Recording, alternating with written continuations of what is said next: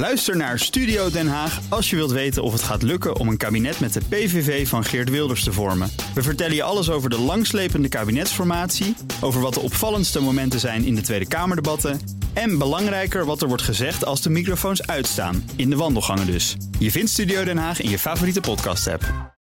Crypto-update. Wij gaan naar Herbert Blankenstein, die is presentator van BNR's CryptoCast, ons programma over bitcoin en andere digitale coins. Herbert, goedemorgen.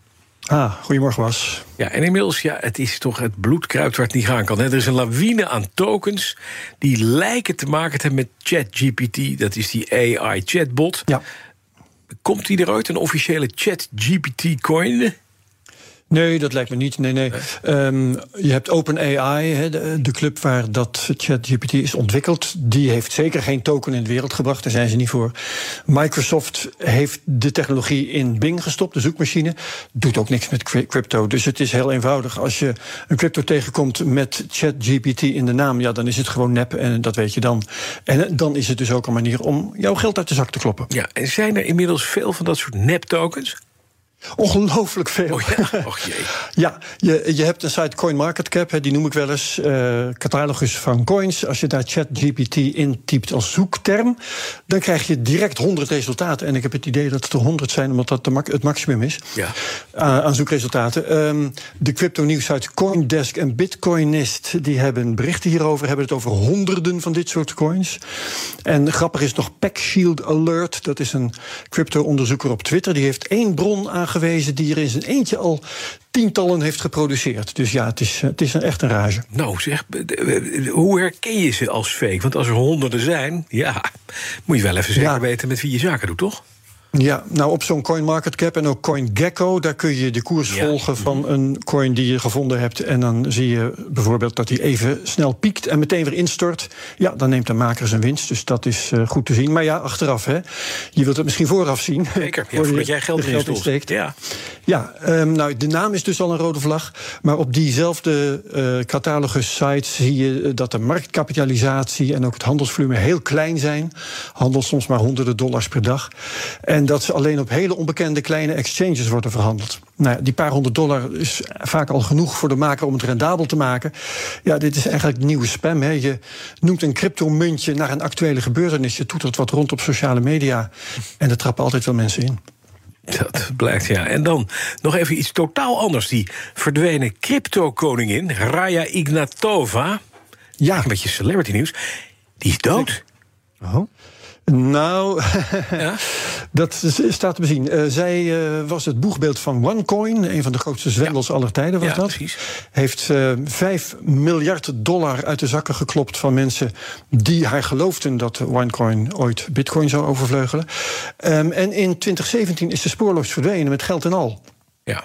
Ehm, tussen twee haakjes, OneCoin was geen crypto. Hè. Ik heb het er hier over omdat het altijd met crypto wordt geassocieerd. Maar het, werd alleen, het woord crypto werd alleen gebruikt om mensen een worst voor te houden. Het was gewoon oplichting met mooie praatjes en door goedgelovigheid. Het had niks te maken met de mogelijkheden die crypto bood of zo, deze oplichting. Nee. Maar, maar wat, wat, wat, is er nou voor nieuws? Is ze nou dood?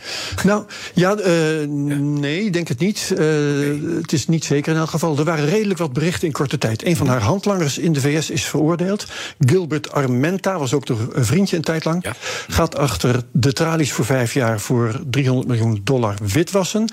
En verder zijn er tegenstrijdige berichten. In januari kwam er in Londen een huis te koop dat op haar naam stond. Meteen geruchten dat ze weer actief was geworden. Maar ehm, er bleken Duitse aanklagers op een of andere manier hiermee in de weer. Oh. Maar nu is er een publicatie van de Bulgaarse nieuwsite Bird. Zij was ook Bulgaarse, hè? Ehm, dat ze in 2018 is omgekomen. Dus dat wordt wel beweerd. Ehm, ze zou vermoord zijn aan boord van het jacht van een drugsbaron. En haar lichaam zou in stukken gesneden overboord zijn gegooid. Ah, gezellig. Naar verluid. En hoe weet die club dat, die Bulgaarse nieuwsite? Ja, dat is vaag. Ehm. Het is op grond van een politierapport. Dat is aangetroffen bij een Bulgaarse rechercheur. Maar die was zelf al vermoord. Oh, gezelligheid. Dus die konden ze niks meer vragen. Nee. Uh, de bron van de beweringen in dat rapport is een niet nader genoemde vertrouweling van Ignatova. Die dronken was. Maar uit de berichtgeving uh, is het mij niet duidelijk geworden of hij dronken was toen hij dit allemaal zag gebeuren. Of dat hij dronken was toen hij het aan de politie Oh, vertelde. Dus het is erg onzeker en behoorlijk oncontroleerbaar allemaal. Maar ja, ik vond dat ik het moest melden, omdat het nu uh, ja, onveranderlijk deel uh, gaat uitmaken van het hele OneCoin-verhaal. In elk geval zou het wel een goede verklaring kunnen zijn voor het compleet verdwijnen van deze dame. He, dat ze nu dood is, bedoel ik. Dat is uh, dan in dat verband lijkt dat vrij logisch. En er zijn wel mensen vermoord voor minder dan 5 miljard. Ja. Dus het is mogelijk, maar de, uit wat er bekend is geworden, durf ik het niet met zekerheid te zeggen. En nog even een podcasttip van de BBC, The Missing Crypto Queen. Gaat hierover echt Ja, een precies. fantastische podcast. Onvoorstelbaar verhaal. Ja, dat uh, klopt ook. En er zijn vervolgen van verschenen intussen. Dat is een hele mooie serie, moet je zeker volgen. Ten slotte, wat uh, heb je deze week in de CryptoCast, Herbert? Um, nou, vorige week dreigde ik er al mee. We gaan het hebben over ordinals. Dat is de techniek om NFT's te maken op de blockchain van Bitcoin. Uh, en inscriptions is een woord dat daarbij hoort. Dat zijn die NFT's zelf die je zo maakt. En we hebben te gast allebei de gebroeders Slachter, Bert en Peter. Hebben we allebei even nodig. Uh, met verenigde krachten gaan ze uitleggen waarom dit nu opeens kan. Wat de perspectieven zijn. Bijvoorbeeld meer inkomsten voor miners, noemde ik vorige week al. En Peter blijkt dan een stuk sceptischer dan Bert. Peter denkt dat die Bitcoin-NFT's uh, eigenlijk snel weer vergeten worden. Mm. Dus uh, interessant. Dat gaan we dus beluisteren. Alle afleveringen van de CryptoCast kun je beluisteren via de BNR-app, via bnr.nl of de podcast-app die jij graag gebruikt. Dankjewel, Herbert Crypto-update wordt mede mogelijk gemaakt door BitTonic. Al tien jaar lang de Bitcoin-autoriteit van Nederland. Ook Bas van Werven vind je in de BNR-app. Ja, je kunt live naar mij en Iwan luisteren tijdens de ochtendspits. Je krijgt een melding van Breaking News. En niet alleen onze podcast Ochtendnieuws, maar alle BNR-podcasts vind je in de app. Download nu de gratis BNR-app en blijf scherp.